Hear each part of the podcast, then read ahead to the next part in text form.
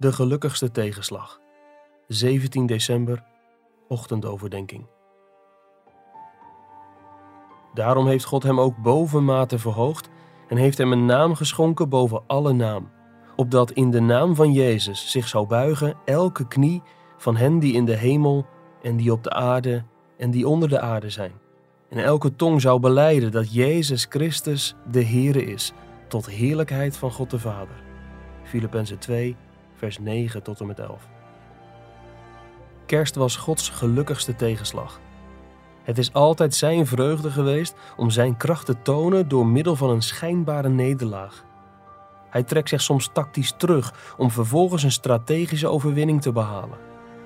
In het Oude Testament was aan Jozef in een droom heerlijkheid en macht beloofd. Genesis 37, vers 5 tot en met 11. Maar om die overwinning te behalen, moest hij eerst slaaf worden in Egypte. En alsof dat niet genoeg was, werd hij, toen zijn omstandigheden verbeterd waren, omdat hij zo oprecht was, nog minder dan een slaaf, een gevangene.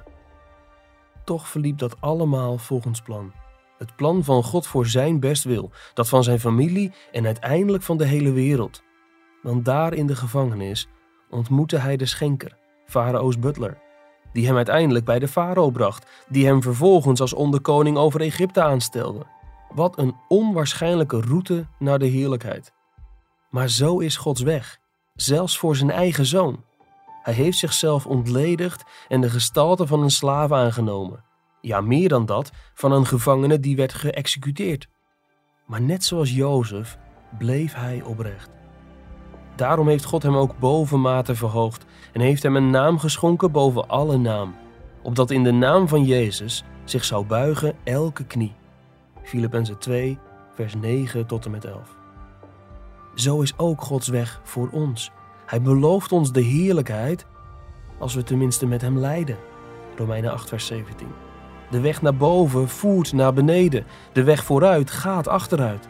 De weg naar het geluk voert langs tegenslagen die God heeft uitgedacht. Op ons en op de mensen om ons heen komen die tegenslagen altijd over als een mislukking. Maar als we met deze kerst iets leren van de weg van Jozef en Jezus, is het wel dit. God heeft dat ten goede gedacht. Genesis 50, vers 20.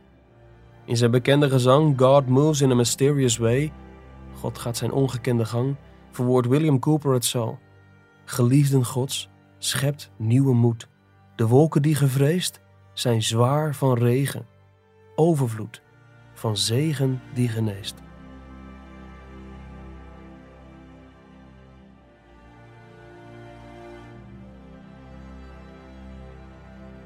Je luisterde naar een overdenking uit het boek Onwankelbare Vreugde van John Piper.